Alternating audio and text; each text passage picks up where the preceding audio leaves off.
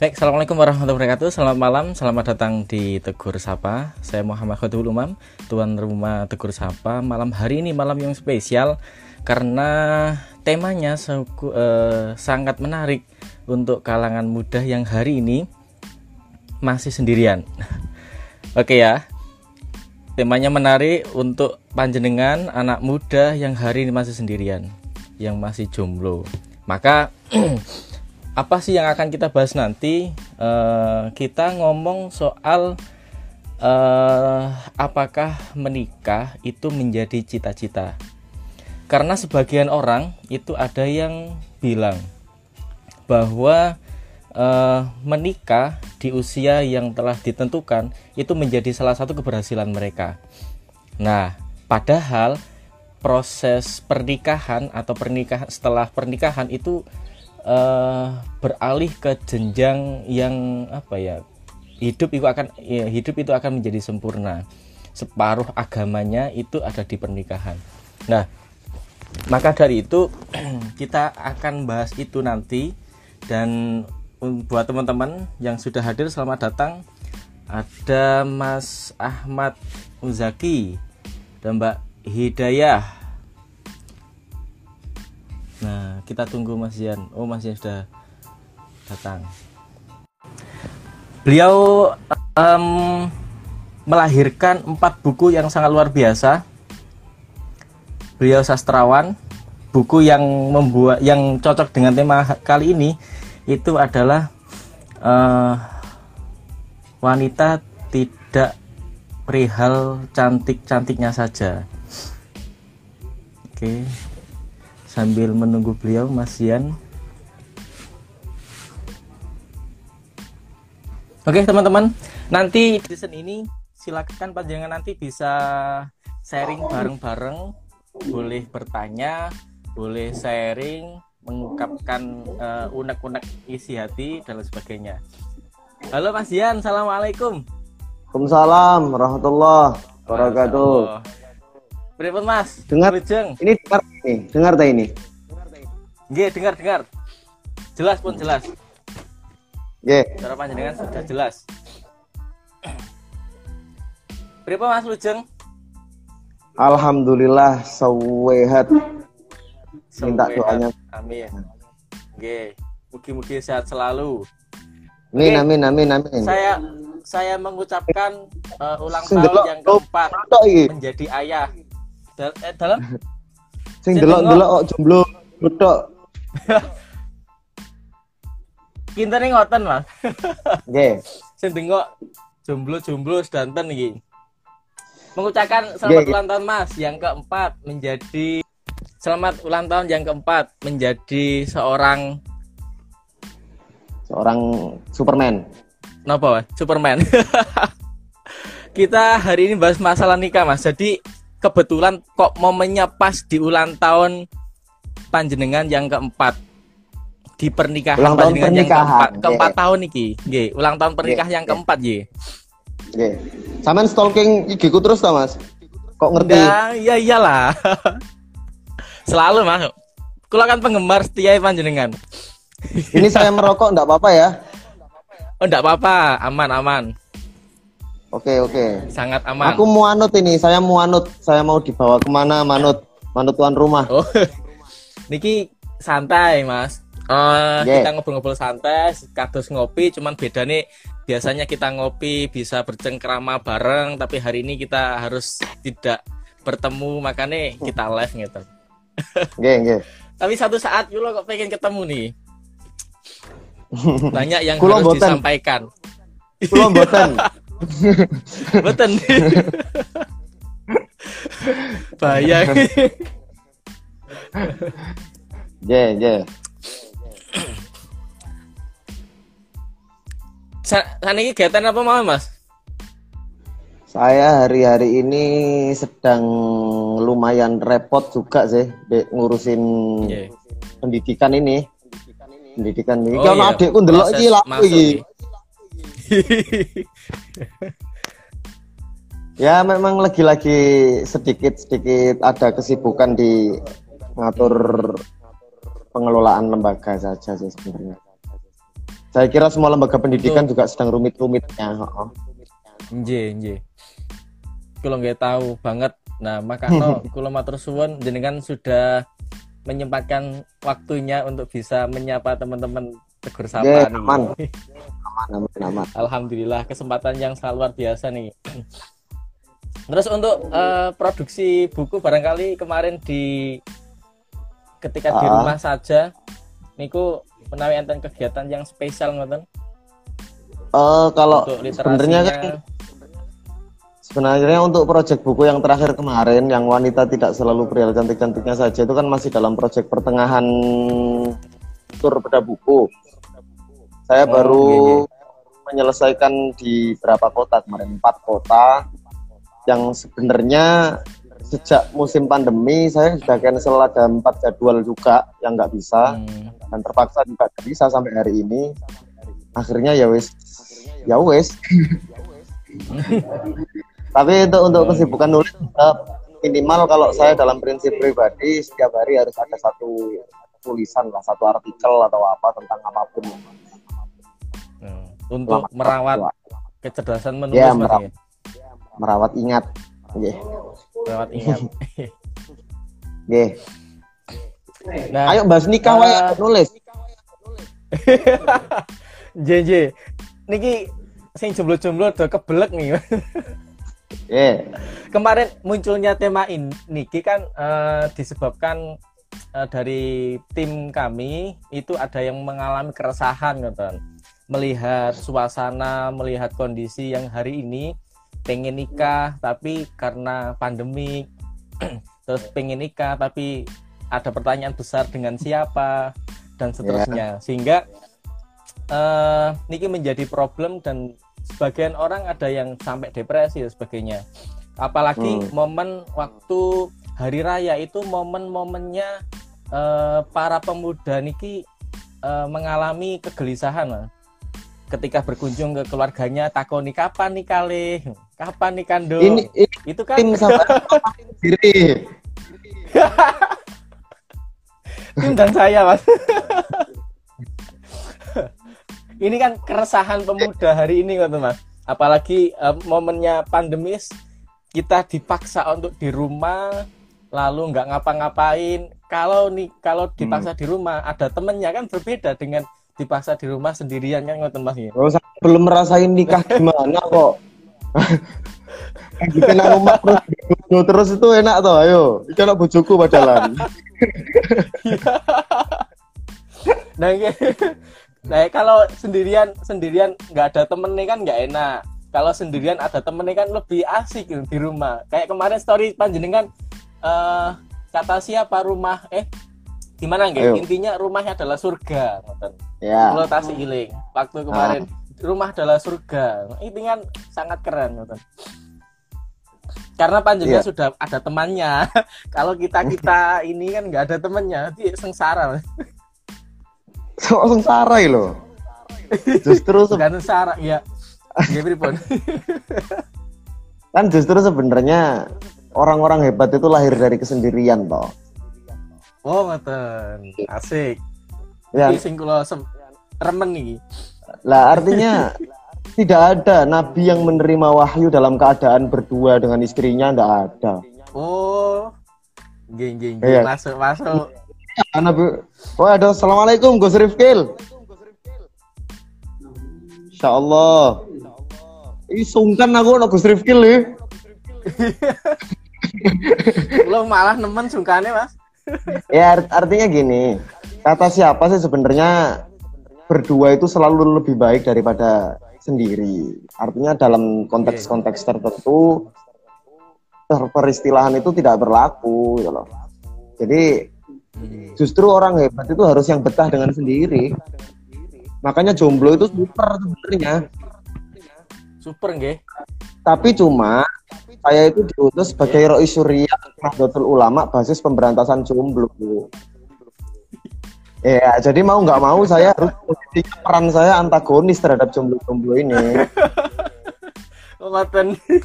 ya, ya karena kan gini, kita itu di, diberi anugerah berupa orang yang punya potensi untuk saling menyayangi. Yeah, yeah. Nah kalau kita bisa menyayangi tapi tanpa mau disayangi itu kan susah. Kita jadi orang yang sombong gitu. Oh, Makanya jangan cuma menyayangi saja hobinya, harus berhasil menjadi yang disayangi juga. Yang disayangi. Nah, nah ini menarik, menarik. Harus ya. berhasil menjadi orang yang disayangi. Sendiri merupakan apa? Sendiri itu hal yang luar biasa, ngerti Tapi Iya dalam kondisi tertentu ya. dalam kondisi tertentu gitu ya nah uh, dalam kondisi tertentu nih mas yang menarik yeah. sendiri hal yang luar biasa dalam kondisi tertentu nah yeah. mungkin uh, bisa nopo nggih penjelasan panjenengan kondisi tertentu buat kita pengalaman panjenengan dulu ketika belum uh -huh. menikah kondisi tertentu niku maksudnya pripun ngoten Bagaimana? Ya kadang sebelum menikah, kadang malam itu adalah waktu yang produktif untuk menulis katakan. Atau malam itu benar-benar waktu yang fresh untuk membuka pikiran, membuka hati dan sebagainya untuk menuangkan dalam apa yang kita inginkan. Tapi ketika sudah beristri, mau nggak mau kita harus menghargai istri juga. Kita harus bisa memendam hasrat-hasrat hal yang seperti itu. Itu perkara sulit. Oh iya iya. Karena menyatukan dua persepsi yang berbeda, iya. keinginan yang berbeda. Hmm. Dan sebagai laki-laki itu harus bisa menghargai wanitanya yang mempunyai keinginan yang berbeda. Iya, makanya dalam dalam, dalam kasus pernikahan itu sebenarnya bukan berarti kita harus menjadi kalau kita sudah menikahi perempuan, perempuan itu harus menjadi seperti apa yang kita inginkan juga bukan kita harus menyamakan tubuh kita menyamakan kita justru lahir dari perbedaan yang saling kita kita sepakati untuk saling dihargai itu yang sulit makanya menikah itu jangan main-main jangan main-main menikah main -main. jangan main-main masuk ya. ya. oke okay. Sudah menemukan titik temunya poinnya. Selanjutnya nih mas uh, terkait tadi setelah kita paham tentang bahwa nikah jangan main-main harus serius karena di dalam proses pernikahan itu eh, kita harus bisa menyatukan diri dengan istri dengan suami. Nah selanjutnya tadi eh, dalam proses pernikahan itu kan tidak melulu tentang bagaimana caranya kita bisa mencintai tapi kata yeah. jenengan tadi juga kita harus bisa dicintai. Sebagai orang sebagai sosok yang bisa dicintai ini ku yeah. sosok yang pripun ngoten kira-kira ya, ya minimal tahu dulu cinta itu apa lah wah oke okay. pengertian cinta nih pun mas? Loh, cinta nggak pernah bisa didefinisikan cinta nggak pernah bisa didefinisikan kok. Oke Hanya semakin cinta iya semakin cinta didefinisikan semakin cinta itu jauh dari definisi definisi cinta itu sendiri ya sudah nah, minimal ketika kita sudah tahu cinta itu apa kita berusaha menjadi orang yang menebar cinta itu dan orang yang menangkap cinta kita pasti dia mencintai cinta itu. Jadi bukan kok kita yang dicintai, tapi proses kita menebar cinta itulah yang dicintai oleh orang-orang yang akan mencintai kita. Ini quotes quotes kok ini saya. Sekali jawab quotes.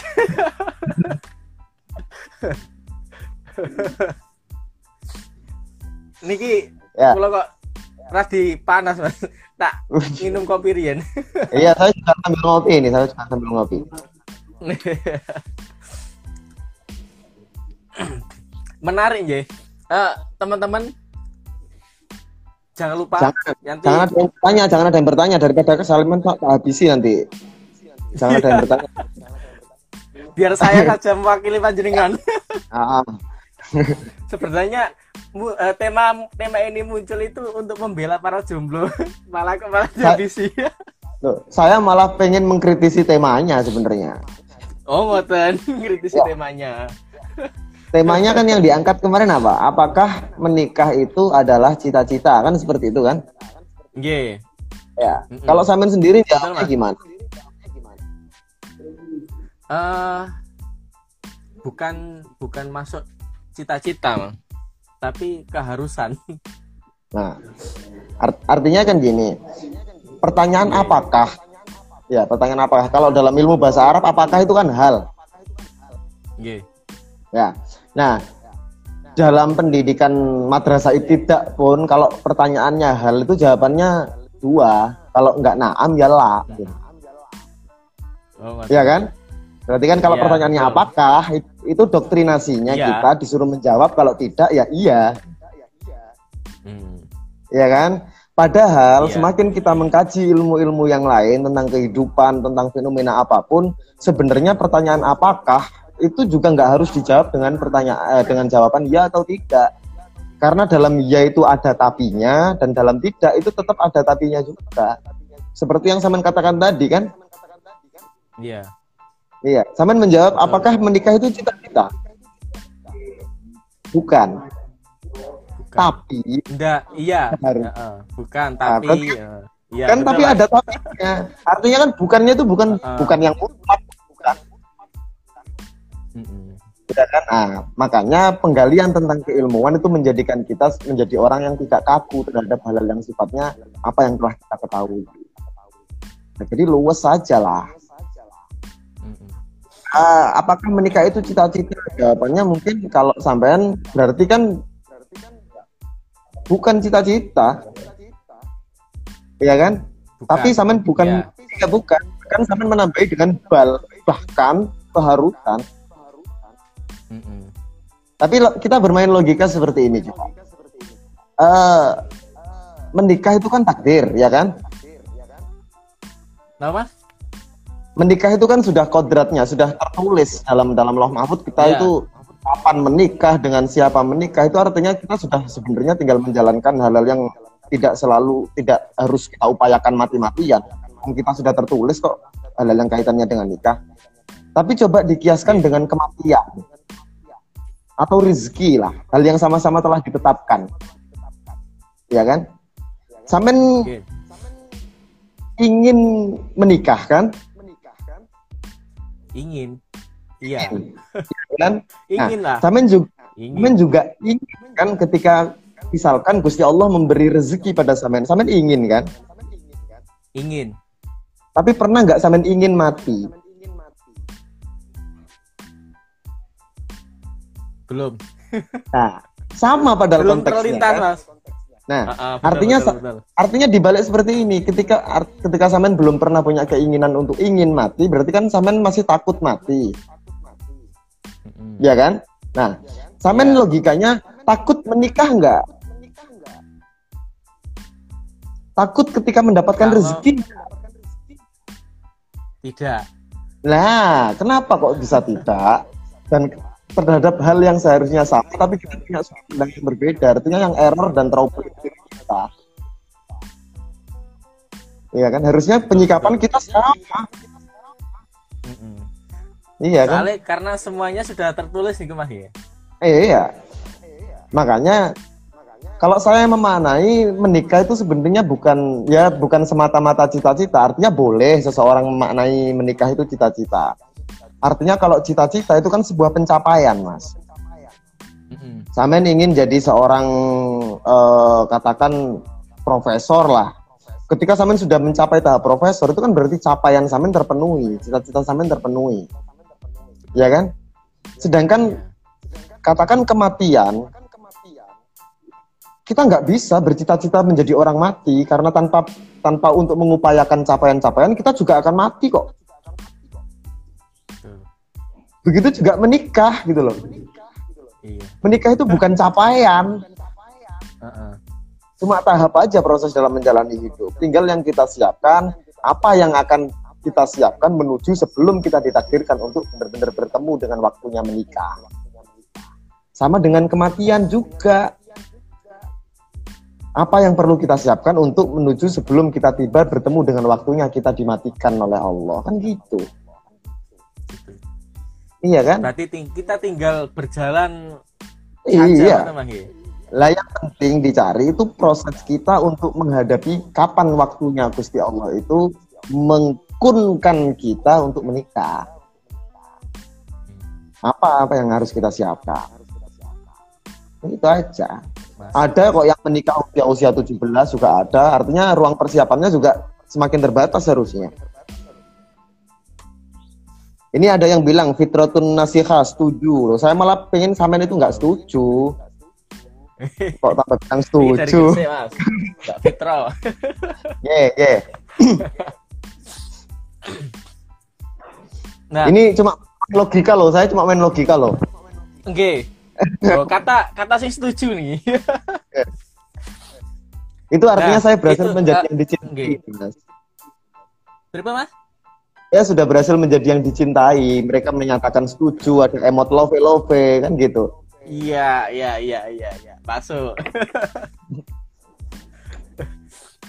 Jadi tidak hanya teori, langsung praktek, Mas. Ya? nah, uh, menarik Mas. Uh, kebanyakan kan kita itu berpikirnya apa yang belum harus kita apa ya apa yang harus belum apa yang belum harusnya kita lakukan itu kan biasanya sudah terpikirkan terlebih dahulu ngoten. Misalkan contoh uh, baru lulus lulus SMA eh besok setelah saya proses sebelum saya kuliah tak gelek gandengan sih.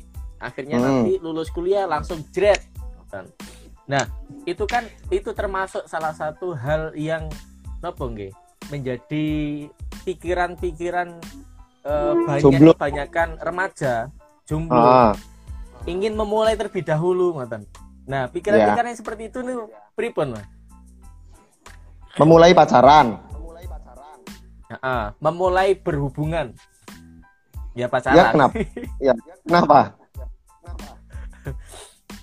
nah, ke, kan gini, kebanyakan kita itu kan manusia itu kan mempunyai pikiran-pikiran yang apa ya sebenarnya belum terlaksana belum tahu oh. nanti terlaksana bagaimana itu sudah ada dalam pikiran terlebih dahulu oh. sudah ada dalam pikiran ngoten mm. nah dalam pikiran itu sehingga uh, di antara di antara pikiran-pikiran itu di antaranya adalah uh, menyiapkan oh untuk jenjang pernikahan saya nanti setelah lulus kuliah waktu semester pertama saya harus mencari dulu gandengan hmm. nanti berhubungan menyatukan frekuensi menyatukan uh, persepsi diri dan seterusnya nanti sampai pada lulus kuliah langsung uh. melakukan pernikahan.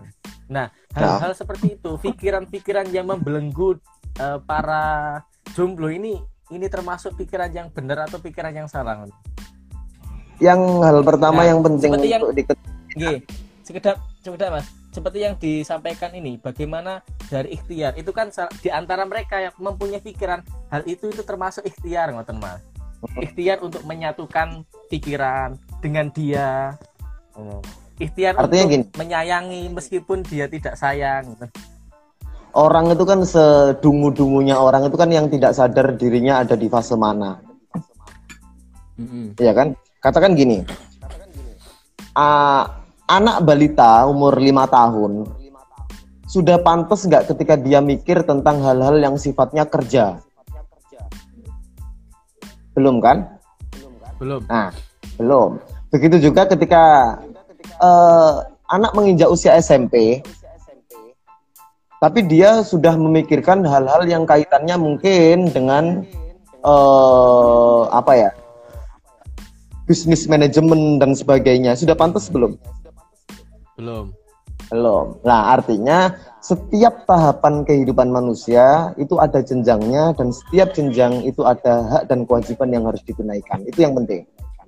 Tinggal kita ini ngerumang sani saja. Kita ada di fase mana sih sebenarnya? Kalau usia-usianya mungkin dalam fase mahasiswa. Fase mahasiswa itu punya kewajiban apa? menuntut ilmu.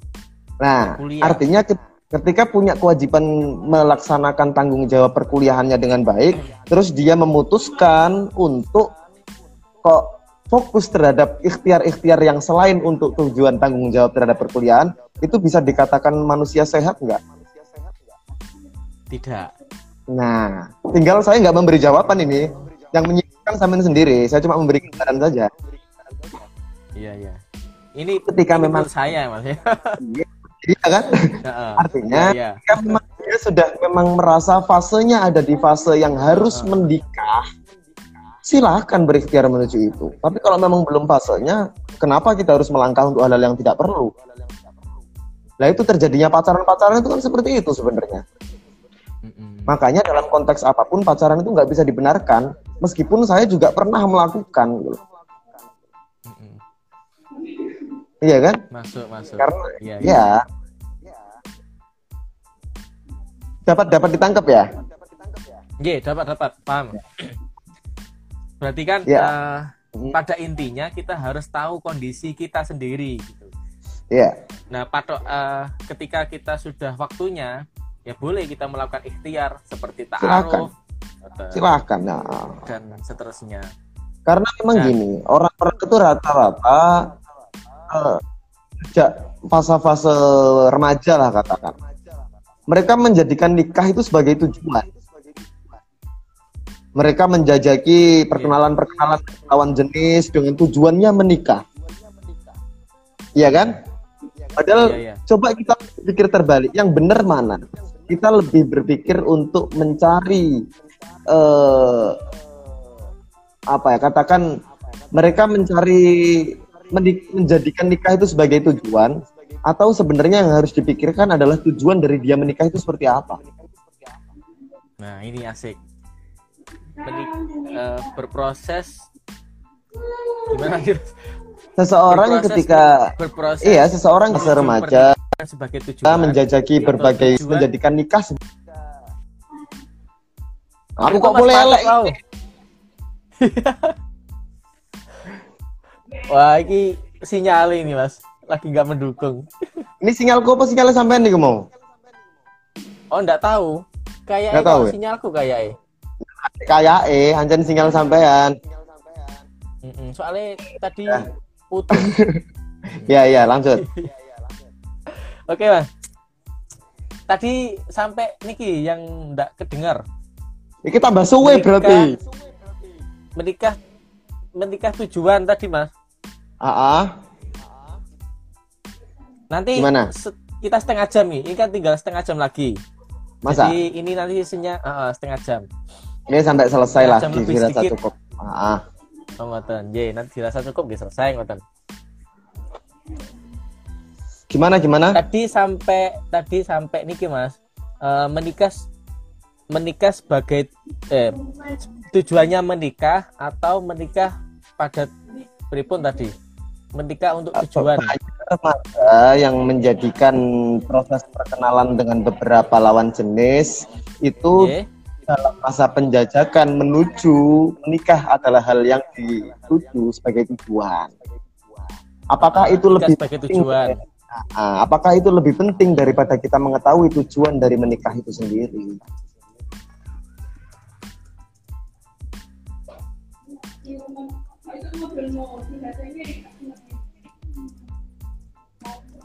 Oke. Hmm. Hmm. Masa mas. Ya. Terus lalu? Ya, artinya kita sering terjebak di situ. Kita menjadikan nikah itu sebagai tujuan. Padahal eh, gini aja, misalkan dalam masa-masa remaja katakan orang-orang itu memimpikan nikah sebagai tujuan mereka. Pokoknya saya harus menikah ini. Padahal setelah menikah pun ada tujuan-tujuan banyak lagi yang harus dicapai. Artinya bukan sebagai tujuan inti itu. Harusnya yang kita ketahui adalah tujuanmu menikah itu apa.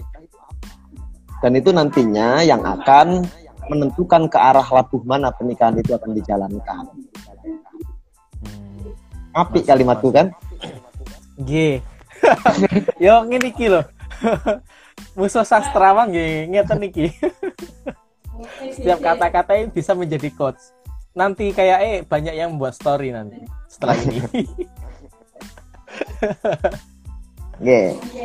Ah, Oke. Okay. Kan kebanyakan. Ya, terus. Heeh, uh, pripun? Ya.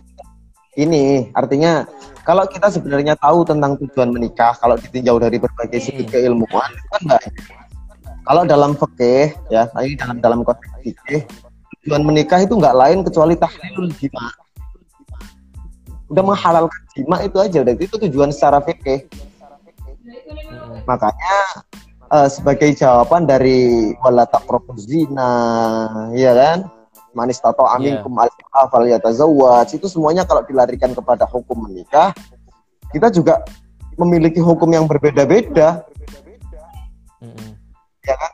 Memang secara uh, yang kita, kita ketahui bersama hukum menikah itu sunnah karena itba perintah kanjeng Nabi. Iya. Yeah. Tapi di satu konteks menikah itu menjadi hal wajib juga. Ada menikah itu juga hukumnya berubah menjadi haram juga ada. Tergantung kita sedang posisinya bagaimana. Misalkan kalau kita sudah menginjak usia-usia yang sudah menjelang pernikahan dan kita sudah mampu secara entah itu fisik, materi, kebatinan dan sebagainya, kita sunnah menikah, dianjurkan menikah.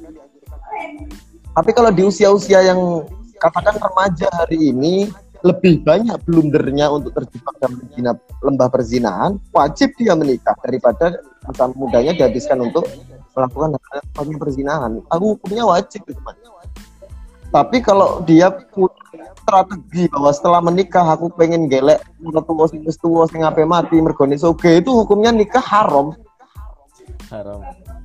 Ya kan? Tinggal memposisi kita memposisikan diri kita posisinya di mana ini. Lah sebelum mengetahui tujuan kita menikah itu apa, kita ketahui dulu diri kita bagaimana. Kalau untuk menuju doa-doa misalkan doa-doa yang tererat dalam pernikahan itu kan semoga sakinah, mawaddah, warohmah, ya kan? Ya. Sakinah itu apa? Mawaddah itu apa? Rahmah itu apa? Nah, kalau itu belum kita ketahui, kita berdoa untuk mendoakan apa dan doa kita itu doa yang bagaimana kan kita nggak tahu. Nah, artinya banyak sekali hal yang perlu disiapkan sebelum menikah itu mengetahui keilmuan-keilmuan tentang menikah. Karena itu berhubungan dengan kita menjadikan tujuan nikah itu apa. Masuk. Kalau misalkan seperti ini, saya sudah menikah 4 tahun. Seandainya saya dulu menjadikan menikah itu cita-cita dan uh, wallahu taala alam mungkin sampai hari ini saya belum diberi momongan katakan cita-cita saya berubah ini. Saya sudah menikah, sudah berhasil mencapai cita-cita. Tapi saya punya cita-cita lagi untuk punya anak. Kemudian nanti setelah punya anak, saya cita-cita punya cita-cita lagi untuk mensolehkan anak. Oh, gitu terus. Akhirnya kan kita terlalu banyak cita-cita. ya kan? Padahal sama bikul sama bikul himam lantah reka aswar lakdar. Setinggi tingginya kita bercita-cita, kita harus percaya bahwa uh, lantah reka aswar lakdar tidak akan bisa membakar apa yang telah ditakdirkan oleh Allah. Makanya boleh orang pengen menikah di usia-usia sekian direncanakan boleh, tapi juga harus menerima kenyataan juga. Ya kan? Ikhtiar boleh. Ikhtiar itu boleh. Tawakal juga harus.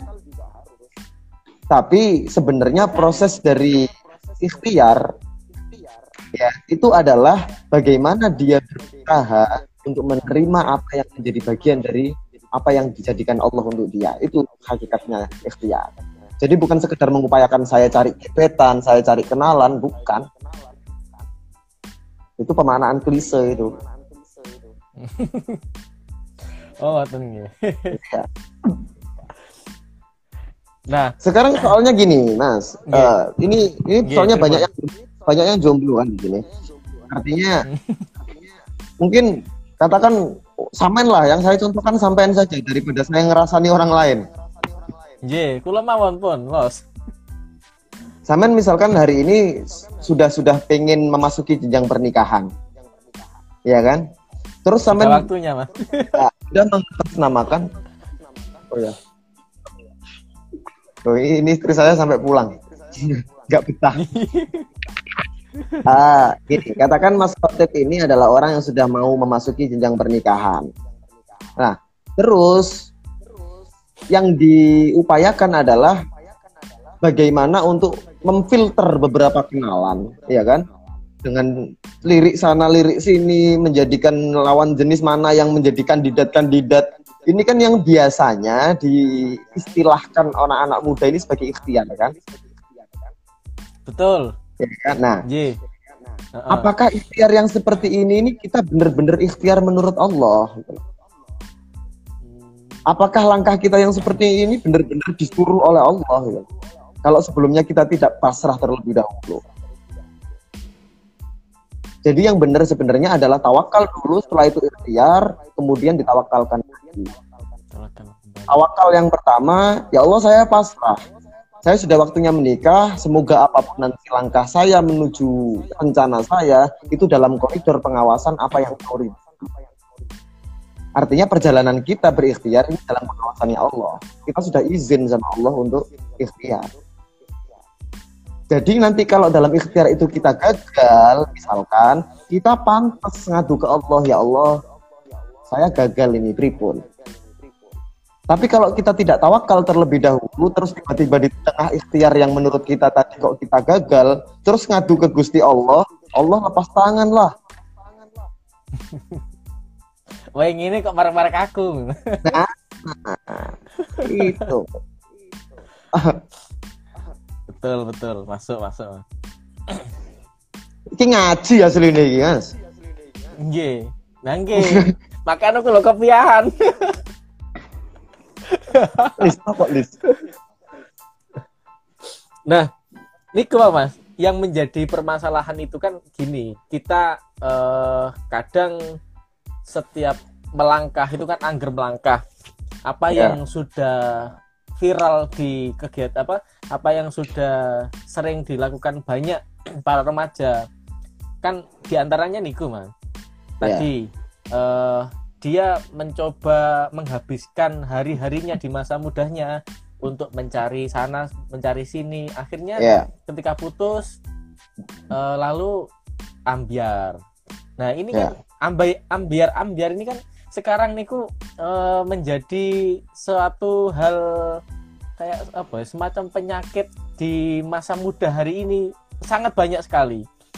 Contoh tema pernikahan ini kemarin sempat pernah sih uh, bikin beberapa story menyangkut tentang cinta terus ambiar itu banyak yang respon banyak yang aku banget hmm. banyak yang wah ini saya banget itu kan tanda bahwa hari ini banyak sekali pemuda-pemuda yang mempunyai pikiran-pikiran seperti yang uh, tadi ini ku. Ya. Makanya Kita jangan bermain-main dengan ilmu. Nah, makanya jangan bermain-main kalau tidak tahu cara bermain. Ya kan? Yang penting untuk kita ketahui itu caranya. Bukan kok poinnya caranya. apa. Iya kan? Kita tahu kok kalau ya. kita ini hamba, poinnya ini hamba, kita ini hamba. Tapi yang lebih penting dari itu adalah bagaimana cara kita menghamba. Iya kan? Kita tahu menikah itu poin, yang penting itu cara menuju pernikahan bagaimana. Soalnya cara itu akan yang mendewasakan pola pikir kita dan untuk menggali keilmuan-keilmuan lebih dalam lagi. Ketika kita kan? ngomong cara, otomatis pikiran ini akan berkembang gitu mas ya. Berkembang pada bagaimana nanti, oh iya. ketika saya seperti ini apa yang harus saya lakukan ngoten iya dan manusia punya modal akal yang secara naluriah tanpa belajar pun dia sebenarnya tahu kok yang mana yang baik dan yang mana yang buruk sekalipun tanpa belajar bodoh-bodohnya orang dia pasti tahu mana hal yang baik dan mana yang buruk ini itu sudah insting gitu tinggal menggali lebih dalam lagi kita punya kewajiban untuk talabul ilm untuk memperkaya itu Iya kan? Masuk Mas Nggih. Makanya kemarin saya itu satu minggu langsung khatam buku panjenengan. Itu dalam rangka belajar, Mas. ya. Itu bu, itu buku-buku alay itu. Tapi kan isi isinya kan isi ngaji tok itu. Iya, memang memang Masa tak tulis habis-habis hmm. kak bukuku. Iya. Nangge, Mas. ya, itu salah satu ikhtiar gitu masuk masuk kategori salah satu ikhtiar. Ya, artinya kita, ya kita coba nasrul ilmi saja dalam bentuk yang disukai. Saya nggak mungkin untuk berbicara panjang lebar tentang pernikahan dalam dalam konteks bingkai religiusitas, berdakwah, berdalil tentang nikah. Caranya pasar kita adalah milenial gitu Yang paling butuh pendidikan pernikahan itu milenial. Jadi kita harus bisa mengemas dakwanya dalam bentuk milenial juga. Salah satunya lewat buku dan bukunya buku model-model buku pop. Kan seperti itu. Iya, iya, Masuk. Nah kemarin makanya saya baca itu langsung ke teman gara-gara saya di posisi itu mas. Hmm. iya. Makanya wanita itu tidak selalu pria cantik-cantiknya saja. banyak yang yang banyak misteri di belakangnya. Ya, cari yang cantik itu banyak, tapi yang cocok ini loh. Aduh, sinyal. Asik pembahasannya tapi gara-gara sinyal, masya Allah. Iya kan? Halo, dengar nggak?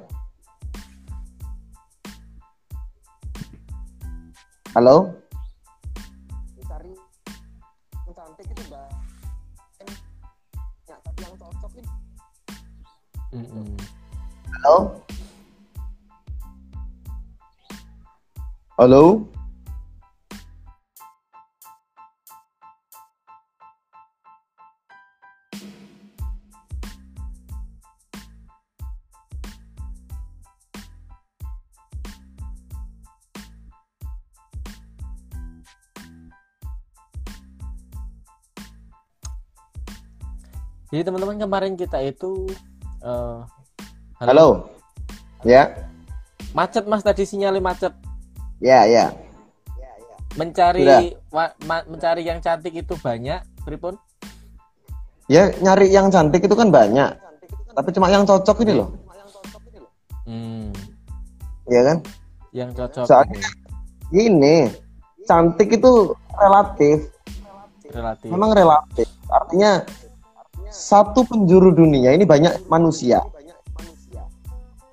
Dan nggak ada manusia yang memiliki mata yang beda itu kan nggak ada. Semua mata itu beda sama ya koyok ngoneku hmm, ada putih ada hitam fungsinya juga untuk memandang kan gitu. Hmm. nggak ada manusia yang dominan matanya hitam terus yang putih itu nggak ada. Cara bentuk itu kan sama semua. Sama semua ya tapi secara fungsi tidak semuanya sama. Boleh jadi mata kita yang mata saya mungkin mata saya yang terbentuk dengan matanya sampean ini memandang sesuatu yang cantik hanya untuk nikmat bagi mata saya belum tentu bagi mata sampean. Makanya cantik itu relatif dan Allah itu maha adil. Kalau semua mata itu punya nilai tujuh dan penilaian yang sama, sakno sing wajahnya beleset-beleset kuwi, Iya kan? Iya iya. Oke mas. Jangan pernah kuat di anak yang misalkan secara kasat mata umum tidak cantik atau tidak ganteng, bisa jadi di menurut sudut pandang mata-mata yang lain kita menjadi orang yang cantik dan yang tampan di mata mereka. Karena itu menikah bukan bukan perihal harus cantik dan harus tampan. Nah, Niki Mas, apa uh, setelah tadi kan kata jenengan ya ikhtiar eh, apa namanya tawakal ikhtiar dan tawakal nah yeah. Tuhan kan mempunyai skenario yang indah yeah. kadang ketika mempertemukan aku dengan dia atau teman-teman dengan pasangannya itu kan tanda bahwa Allah me, apa ya merestui bukan mensetujui atau bahwa memberikan apa ya memberikan kode kalau iki lo jodohmu. Itu kadang kadang kode ukurannya... itu kita baca. Kadang kode kita menangkap kode itu sesuai dengan akal dan sesuai dengan hasrat kita saja. Kita selalu setuju dengan hal-hal yang menurut kita baik. Padahal belum tentu baik. Misalkan sampean pacaran nih dengan pacar sampean. Sudah klop sudah cocok. Itu kan menurut sampean. Karena persepsi itu lahir dari apa pun yang lahir dari diri sampai Yanes kadung seneng. Apa pun menjadi hal yang baik. Tinggal yang kita cari adalah kebaikan siapa. Hmm. iya kan? Oh, nah, kode-kode itu biasanya keadilan Allah atau kode-kode dari Allah itu tidak selamanya bisa kita tangkap dengan akal nggak akan sampai akal kita mendefinisikan keadilan Allah nggak akan sampai makanya libatkan hati libatkan ikatan hmm. oke okay. iya nah rata-rata kita lebih mengkerucut lagi mas Ye karena rata-rata hmm. yang hadir di sini ini kan seumuran dengan saya paling yeah. uh, di bawah sedikit sekitar umuran 20 sampai 28-an ke atas ke bawah sekitar 20 sampai 28-an lah. Sok nah, Ini kan salah satu apa jenjang di umur-umur ini kan sudah saatnya uh, ada yang sebagian yang masih fokus pada proses pendidikan. Ada yeah. yang sudah saatnya mulai menikah. Nah, terus kalau apa namanya mereka yang sudah saatnya seperti saya ini sudah kelihatannya kan sudah saatnya menikah kan maksudnya. Nah, itu kan dari uh, sopo untuk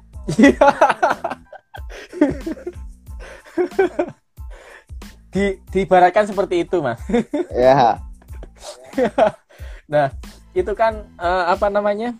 Di saat proses bertemu antara aku dan dia ini, mm -hmm kemarin kan sempat saya bilang memelukmu dengan doa.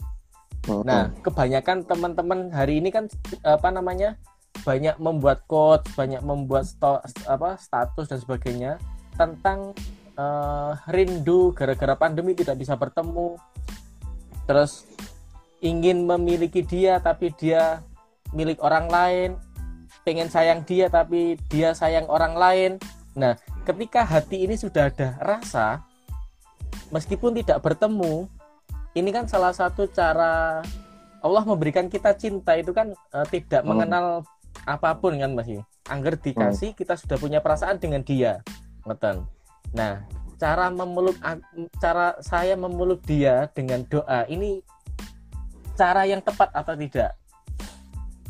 Ya sebenarnya orang-orang itu kan terlalu sederhana memaknai doa, terlalu gampang untuk mendefinisikan doa sedangkan kepercayaannya kepada doanya sendiri itu tidak terlalu dibangun. Itu yang membuat doa-doanya hambar. Jadi poin penting adalah kita harus benar-benar percaya bahwa doa itu adalah senjata. Doa itu silahul mukmin loh. Senjatanya orang mukmin yang pertama harus kita tancapkan adalah kita benar-benar percaya bahwa doa adalah mediasi komunikasi kita sebagai hamba kepada Tuhan dan nggak mungkin Tuhan itu menyia-nyiakan kita sebagai makhluk yang sempurna. Lah kita kalau tidak mantap dengan esensi doa itu sendiri, kita hanya bermain di kata-kata, quote, rindu dan sebagainya, doa semakin hilang dari maknanya. Cara memeluk dengan doa bagus. Buktinya kita dengan para ulama kita, para masyayikh kita, kita mengikatnya semua dengan doa dibalutnya dengan rasa takdim kita atau bagaimana dengan percaya bahwa kita mendoakan orang tua untuk memintakan ampun kita percaya itu. Nah apakah itu bisa kita kita kiaskan kepada pasangan bahwa memeluk dengan doa kita benar-benar ingin menyayangi dia dari jauh? Sebelum pernikahan semuanya abas sia-sia. Ya kan? Apa yang ingin samen doakan dari pacar samen itu apa sih? Hmm? Samen pengen, ya Allah semoga saya dan pacar saya besok sampai jenjang pernikahan, misalkan. Itu kan kepinginannya sampean. Tapi kalau seandainya menurut Allah dia itu tidak baik buat Samen, apakah Samen mau? Kita egois dalam berdoa. Karena kita nggak paham esensi doa itu apa. Iya kan? Iya. Iya.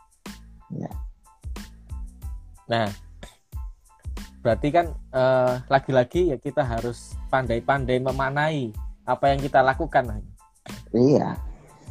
Dari awal tadi memang sebenarnya pesan yang yang saya tangkap itu mas mulai iya. dari kita sampai pada tahapan mana di tahap proses belajar kah di tahap proses meniti karir kah proses pernikahan kah kita harus pandai memanai itu sampai iya. pada yeah. tahap proses pernikahan. Pernikahan uh, pada tahap uh, ikhtiar sampai uh, apa namanya? tawakal ikhtiar. Ikhtiar pun kita harus tahu apa arti ikhtiar. Iya. Dan kita sendiri yang bisa menjawabnya, ngoten Iya. Karena begini Mas, rata-rata diakui atau tidak kasus perceraian ini kan banyak. Iya. Kira-kira apa sebab dari kasus perceraian tersebut? Karena salah dalam mendefinisikan cinta. Mereka semua ketika katakan ada pasangan suami istri, sudah saling mencintai tapi dalam pandangnya mereka menganggap bahwa kalau sudah cinta semuanya harus sama. Padahal semuanya harus dipukul rata sama. Kalau saya seperti ini istri saya juga harus seperti ini kita harus berjalan satu visi yang seperti ini semuanya harus dipukul rata sama. Cinta nggak seperti itu justru cinta itu mengenal perbedaan agar perbedaan itu disikapi dengan penuh cinta kan? Seperti itu. Hmm. masuk. Cinta itu perbedaan. Ayo bahas iya. status nanti. Aku ya bahasan cinta lah dunia mas. Iya masuk banget. Nah uh, ini mas. Setelah itu kan kadang pola pikir remaja ini kan sebagian orang ada yang tidak peduli. Uh -uh ada yang tidak peduli maksudnya eh nggak ngereken urusan asmara.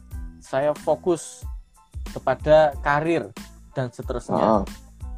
itu juga termasuk uh, menurut panjenengan termasuk apa ya sikap yang baik atau tidak menurut ya sama halnya kita menyikapi segala sesuatu itu kalau kita terlalu muyul terlalu condong itu buruk sama NO kan? G. Iya, tahu tawasud kan? G. Nah, itu jawabannya sudah. Hmm. Kalau kita terlalu berburu karir dengan dengan menyepelekan soal-soal hal yang kaitannya dengan proses menuju menikah dan sebagainya, kalau itu porsinya lebih dan memang membuat kita menjadi orang yang arogan dan kaku, ya itu hal yang salah. Hmm. Ya yang tawazun lah. Oke teman-teman yang tahu hasilnya, kalian sendiri yang tahu jawabannya. Apa yang harus kalian lakukan? Ngoten masih. iya. Itu soalnya sampean nggak bisa memberi kesimpulan. Makanya dikembalikan pada yang mendengar. Nengge. Hmm. Karena setiap orang mempunyai kesimpulan masing-masing, teman. Saya yeah. tidak mau meracuni kesimpulan mereka, ngoten. Justru saya harus meracuni diri saya. Kalau saya justru harus meracuni. Oh, ngoten. Karena kita sudah banyak terjebak di hal yang salah kaprah gitu loh. Dan banyak harus diluruskan. Hmm. Katakan nah, ini. Jangankan kok katakan gini. Kita itu sebenarnya tahu kalau pacaran itu dilarang. Kita nggak bicara tentang halal haram lah. Bicara tentang madorot pasti lebih banyak. Tapi mungkin dari inisiatif-inisiatif sendiri kita selalu membenar-benarkan apa yang sedang kita nikmati. Hmm. Ya kan? Nah, artinya Betul. Jangankan kok pacarannya, kita menganggap remeh pacaran atau mem, me, menjadikan pacaran itu adalah hal yang biasa. Itu pun kita sudah keliru dalam menyikap diri sendiri. Kita nggak adil dengan diri sendiri. Kita memandang sesuatu yang buruk itu hal yang biasa dan boleh-boleh saja. Hmm. Itu masih punya pandangan loh, belum melakukan. Kalau punya pandangan saja kita sudah dinilai sebagai orang yang nggak bijak, apalagi kita melakukan hal yang tidak bijak. Meskipun mas, saya juga ngapunten, saya dulu juga pernah terjebak oleh hal-hal yang tidak bijak. Ya kan. Wajar, Tapi belajar dari iya, belajar dari itu mungkin semua mungkin yang berkesempatan untuk mendengar bisa menjadikan ini sebagai hikmah gitu aja bahwa nggak ada yang bisa dibenarkan dalam pacaran nggak ada ilmu-ilmu dalam pacaran yang bisa diterapkan di rumah tangga itu nggak ada ceritanya. Soalnya katakan begini, samen sepakat atau tidak bahwa pacaran itu hal yang buruk? Sepakat. Sepakat kan? Sepakat mas. Ya, menikah adalah hal yang baik. Sepakat. Sepakat. Sepakat. Sesuatu ketika kita menuju hal yang baik dan diawali dengan hal yang buruk, apa akan jadi baik? Hmm. Kita bermain logika saja. Iya. Ya. Makanya untuk mengawali sesuatu yang baik, awali dengan cara yang baik, dengan etika yang baik, dan dengan konteks ketuhanan atau kedekatan kita dengan Allah sebagai yang maha menghendaki, menghendaki dengan cara yang baik. Masuk. Ya, mari kita putus kabeh sing Sing di pacare putus kabeh wis. beda lagi kalau Enggak. sudah uh, sudah niki mas ya jenjang ta'aruf ya langsung artinya gini mas nggak suwe-suwe saya bukan bukan kok pro gerakan anti pacaran juga bukan. Bukan. Enggak. Saya bukan seperti itu. Tapi artinya kita lebih bisa mencikapi diri sendiri. Kita itu punya potensi iya. menyayangi orang lain dan kita juga berhak disayangi oleh orang lain. Biarkan nanti proses sayang itulah mencari jalannya sendiri untuk menghubungkan kita pada titik pernikahan. Masuk. Masuk. Tok mau mas masuk tok boleh? Iki es ilmu tok iki. Soalnya uh, apa? Ini saya benar-benar menyimak mas. Ya. Ini yang saya butuhkan. Jangan sampai nanti saya terjerumus nonton ya. Nah apa namanya? Uh, setelah itu kan kadang ini mas ini kan lagi-lagi saya mewakili mewakili apa namanya mewakili diri para jomblo-jomblo wakili diri diri sendiri mewakili para jomblo-jomblo yang hari ini panjenengan bela. oh, enggak, saya enggak bela jomblo, saya berantas. Ya, Tenang, kalau jenengan jomblo, ya santai. Ada Manus, teman ya. Manusia itu enggak, manusia itu enggak pernah sendiri mas sebenarnya. Iya. Sekalipun dia jomblo, dia harus cari pasangan dalam hatinya. Kamu kan di situ sudah. Hmm. Makanya saya itu nggak suka dengan orang dulu dia merasa wahid dia merasa ahad dia merasa sendiri. Itu potensi potensi menjadi Tuhan itu besar itu. Ya kan? Tuhan tok yang mah jomblo itu Tuhan tok. Lam yalid dalam dalam yakun lahu kufuwan ahad itu jomblo definisi jomblo Aku yeah. bisa guyu mas.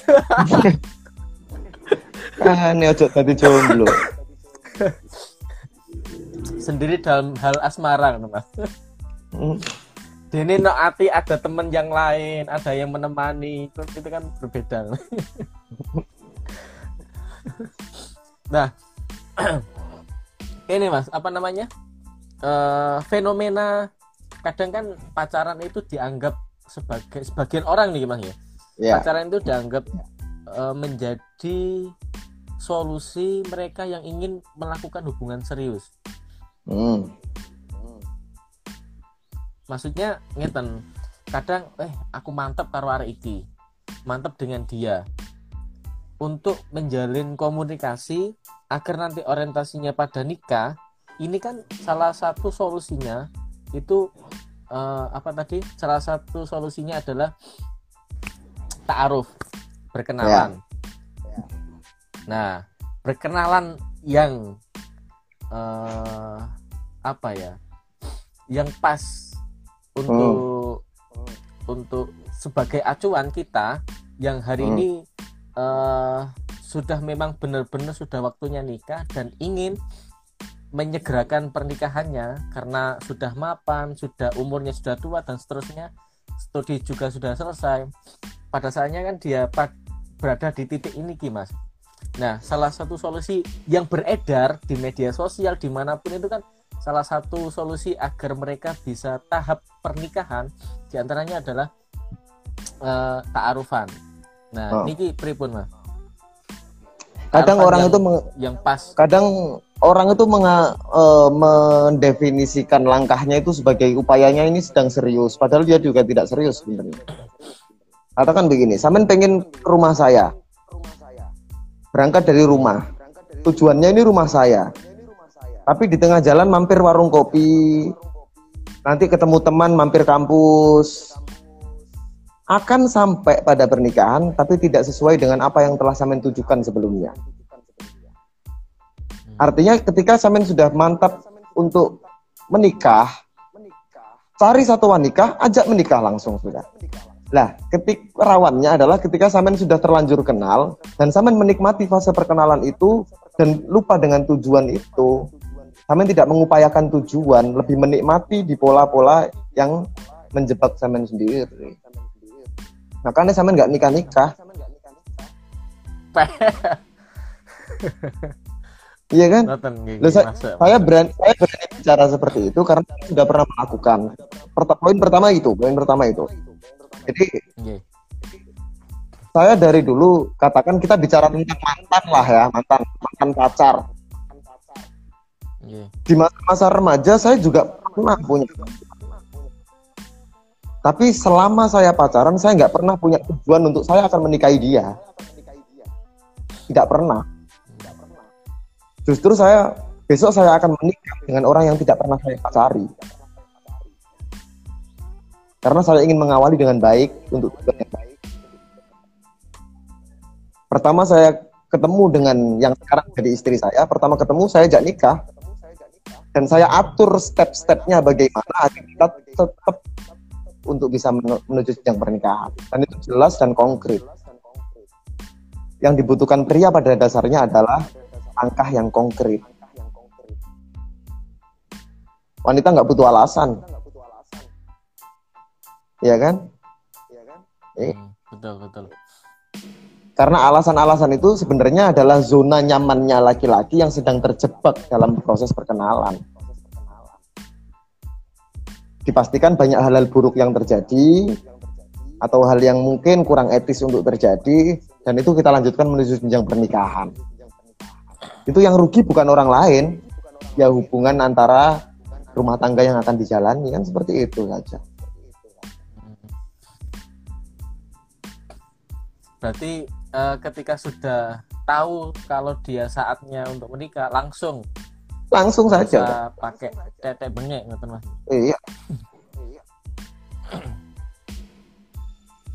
Apa sih yang dikhawatirkan nah. dari menikah Hmm. Kalau memang benar-benar siap.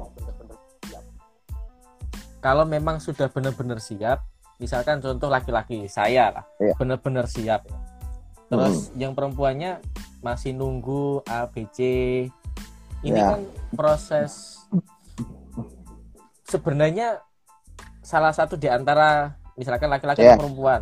Ini saya contohkan saya ngoten nggih. Ya. Saya pacarnya masih kuliah. Nikah. Terus dia masih kuliah kurang beberapa tahun lagi dan seterusnya nah yeah. untuk menyikapi hal itu ya, jangan pacaran kadang kan kadang kan gini kemarin saya dapat curhat gini mas ah. aku deh kemarin itu wes sudah mempunyai hubungan serius maksudnya sudah pada tahap kayak semacam taaruf katanya ngoton hmm. tapi nggak saya hubungi dan sebagainya akhirnya uh, tidak ada komunikasi menyebabkan dia berpaling kepada orang yang lain. Ah, iya, iya. Padahal iya. ini laki-lakinya sudah siap, wanitanya nunggu wanita ini sudah uh, selesai tadi, malah yang terjadi dia berpaling dengan orang lain. Mm. Nah, apa namanya? Untuk menyikapi bila ada teman-teman hari ini yang mempunyai yang memang sudah saatnya yang laki-lakinya sudah saatnya atau yang perempuannya sudah saatnya tapi salah satu di antaranya menunggu untuk uh, untuk jenjang karirnya untuk proses hidupnya dan seterusnya. Nah untuk menyikapi itu nggak tripun mas? Lah uh, artinya kalau dalam hal seperti itu yang siap kan sampai ya? Yeah. sedangkan lawannya katakan masih harus ada yang diselesaikan kesiapan itu harus terjadi antara yang akan berjalan menjalankan kesiapan. Makanya saya tadi katakan mending jangan pacaran, putuskan kata siap ketika dia juga sudah siap. Artinya nggak ada trouble dalam masalah hal-hal yang tidak beralasan. Ini ada pertanyaan ini ada pertanyaan. GG. Kuatir gak iso makani bojo. Iya.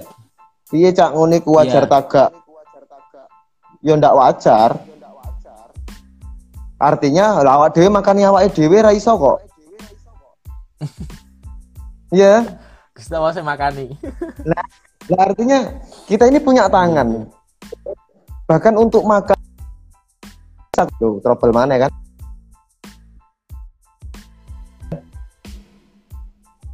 Halo. Halo. Halo.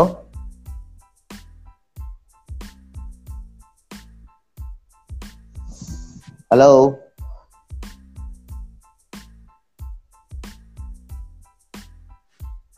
Halo. Oh, sinyal.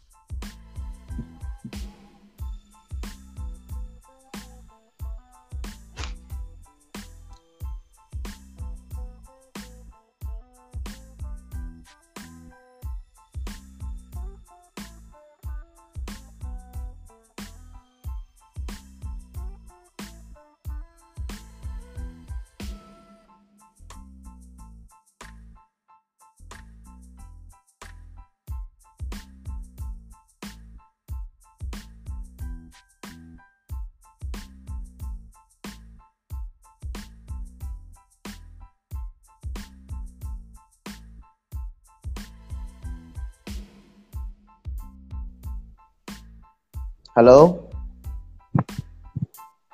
Halo? Halo? Sampean muter terus ya Halo, gambare. Halo? Nggih. Halo. Sudah kedengar? Pon, kedengar iki. Iya. Lah, halo dengar ya? Nggih, nggih. Ya ini khawatir gak isok makani bojo iki oleh taga. Ya nggak boleh. Artinya apa ya? Justru kekhawatiran kita itu adalah kita benar-benar sudah melanjut me- menjalani jenjang pernikahan, tapi kita tidak menguasai medan pernikahannya itu. Hal-hal yang sifatnya pasti nggak perlu ditakutkan mas gitu. Ya kan? Yang belum pasti itu apa sih sebenarnya? Yang belum pasti itu apa? Amalia-amalia, pahala dosa, keilmuan kita, pemahaman kita, penguasaan medan kita, itu yang hal-hal yang belum pasti, masih tergantung dengan apa sejauh mana kita upayakan. Untuk hal-hal yang urusannya Yang pasti nggak perlu ditakut. Yang kita dapatkan di masa depan ngoten Mas. Untuk untuk pengembangan itu. Iya. Jadi semacam eh, karir. itu urusan belakang. Makanya saya tadi di awal mengatakan kita boleh bercita-cita atau kita boleh berkeinginan, tapi tetap keinginan kita itu halam da- hal- harus dalam batas wajar. Kita harus ingat bahwa Allah itu yang maha menentukan apa yang kita inginkan. Boleh jadi apa yang kita inginkan itu nggak baik buat kita, dan apa yang kita anggap nggak baik itu baik menurut Allah. Tinggal kita pengen yang baik versi siapa. Khawatir terhadap rezeki itu bahaya juga. Karena logikanya gini, anjing itu hewan haram, eh, hewan najis gitu loh. Ya kan? Nggih. Halo. Anjing itu hewan najis, Halo. tapi setiap hari masih di... Halo.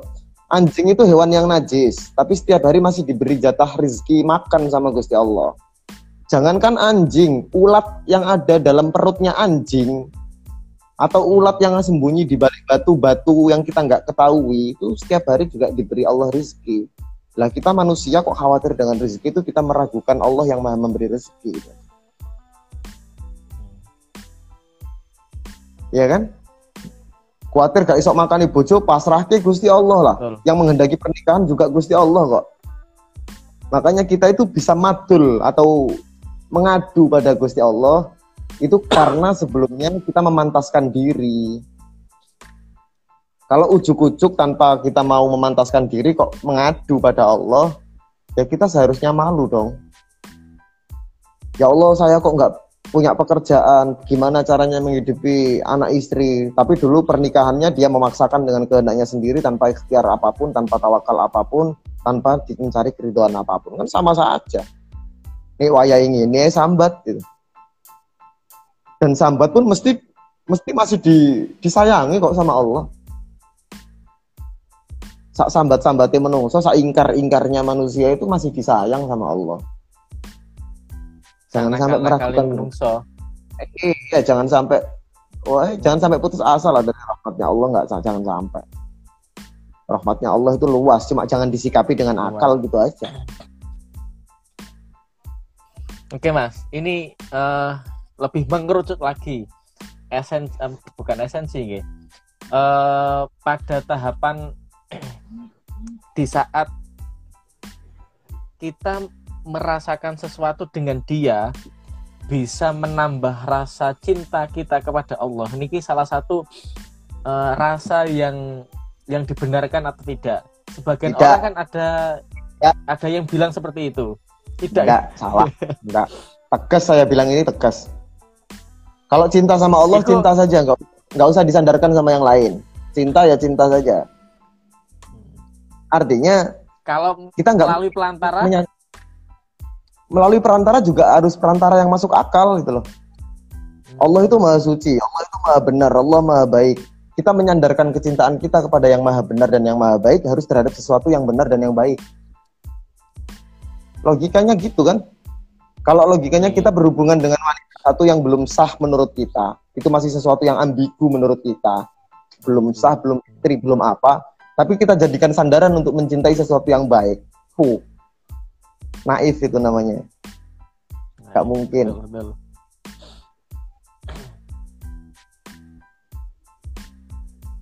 Bos kopi muntek lo. Tukokno, Ceh.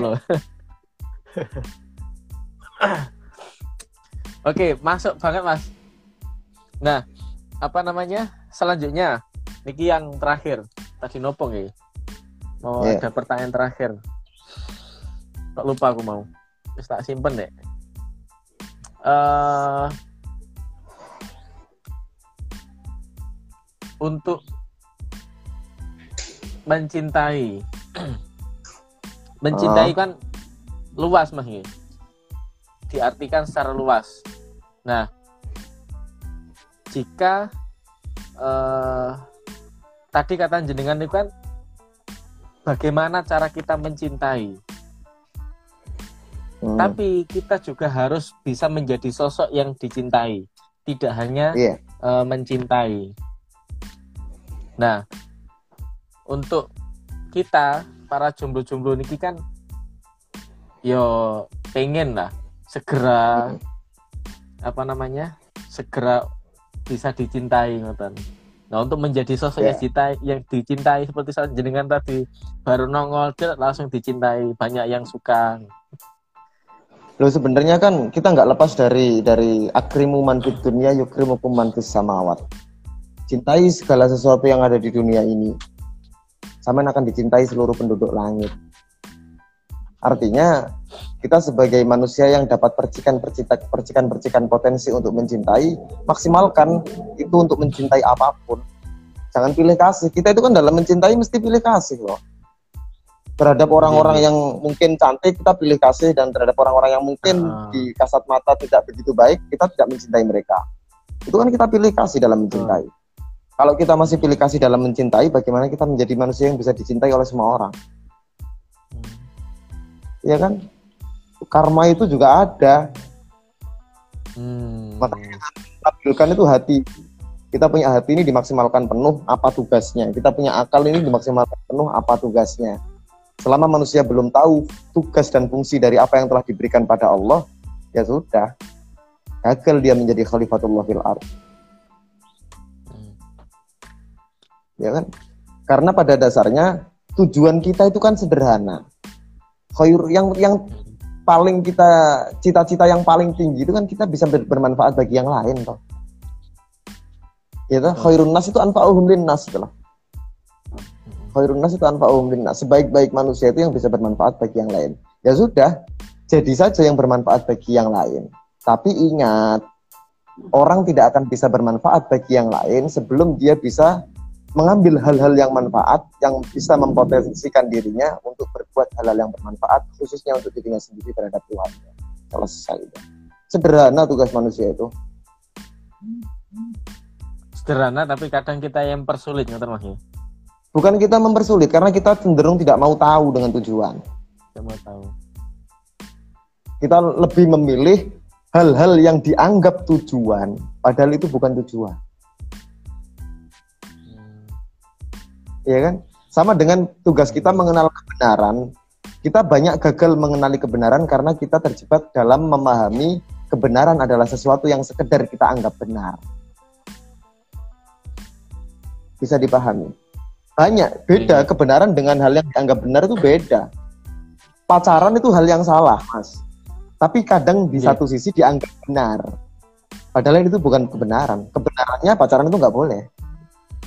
Lah yang harus kita pegang itu benar. sesuatu sesuatu yang harus kita pegang itu adalah yang sifatnya kebenaran, bukan yang dianggap benar. Karena sesuatu yang dianggap benar itu lahirnya dari akal manusia yang telanjang. Kalau kebenaran itu sudah sifatnya ilahi sudah.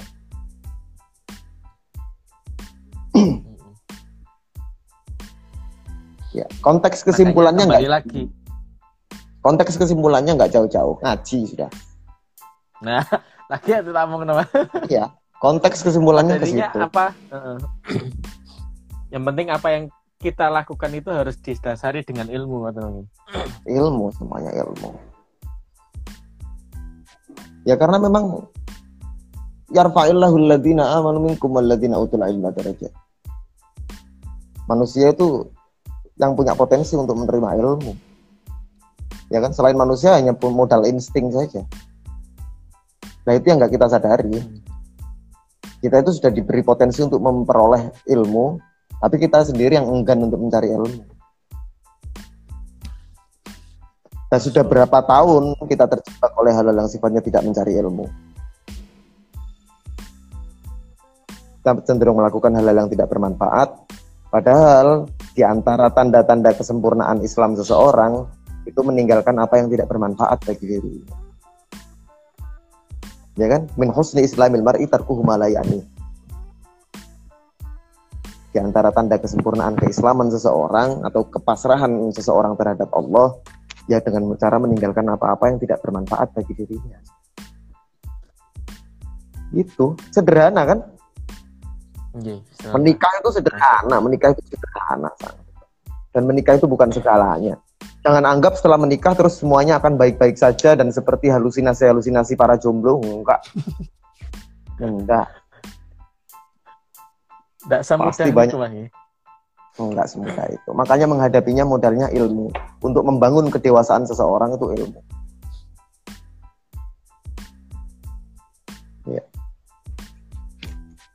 oke sangat ya. masuk sangat masuk banget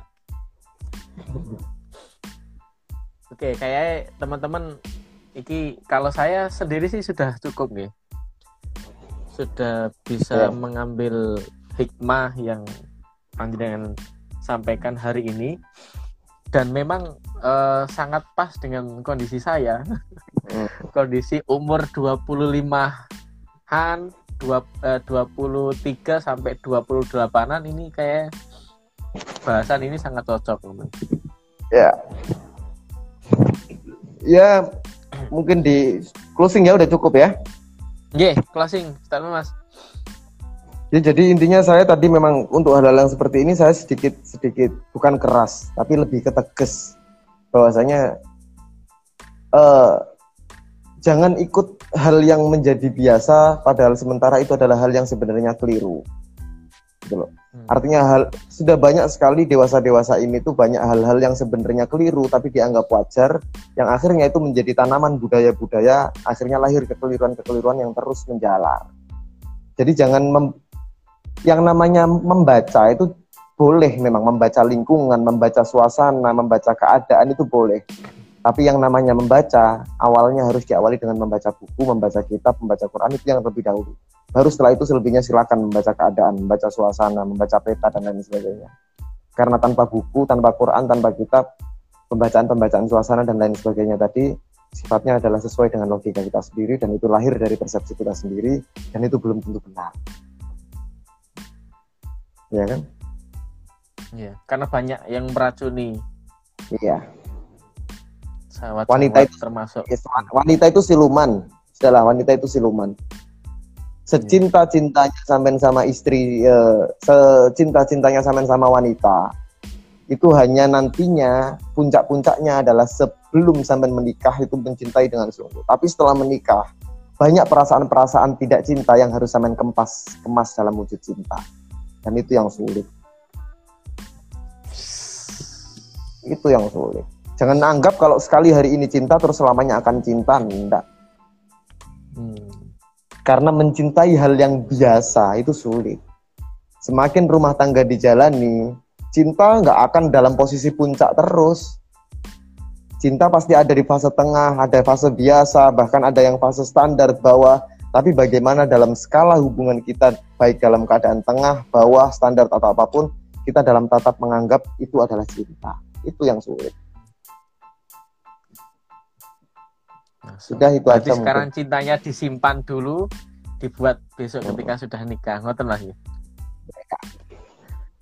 oke yeah. sip masuk banget oke mas terima kasih atas yeah, yeah, yeah. kesediaan waktunya di tengah-tengah kesibukan panjenengan tapi merelakan untuk bisa hadir bersama dengan kita semua memberikan inspirasi, yeah. memberikan pengetahuan, memberikan ilmu, ngaji bareng intinya tadi yang penting apa pun yang kita lakukan itu harus didasari dengan ilmu ilmu okay. itu bisa didapat dari ngaji dari belajar oke okay, okay. terima kasih Mas Jian terima kasih sang, yeah. uh, sudah hadir mohon maaf untuk yeah, teman-teman yeah. juga terima kasih sudah mau hadir bersama dengan kita uh, saya rasa cukup Mas ya, sampun ya Mas. Jadi saya saya juga minta maaf kepada semua yang mendengarkan karena saya terlalu banyak bicara dan orang banyak bicara itu tentu punya banyak salahnya juga. Saya mohon maaf karena nggak semua yang saya katakan itu juga benar. yeah. yes, benar-benar atau yang hal-hal yang sifatnya mungkin bisa dianggap uh, hal-hal yang sifatnya mungkin benar-benar benar itu mutlak bukan dari saya tapi hal yang salah itu dari saya sendiri. Saya ini mengapunten juga undur diri silaturahminya dijaga semuanya tetap ngopi tetap ramah tetap santun dan tetap istiqomah yeah. yeah, pun tetap saling mendoakan yeah, pasti pasti yeah. Yeah. Yeah, pun saya ya, undur diri nggih. Nggih. Assalamualaikum. Waalaikumsalam warahmatullahi wabarakatuh. Oke teman-teman terima kasih atas partisipasinya. Semoga ilmu yang kita dapatkan hari ini bermanfaat. Amin amin ya rabbal alamin. Wassalamualaikum warahmatullahi wabarakatuh. Hmm.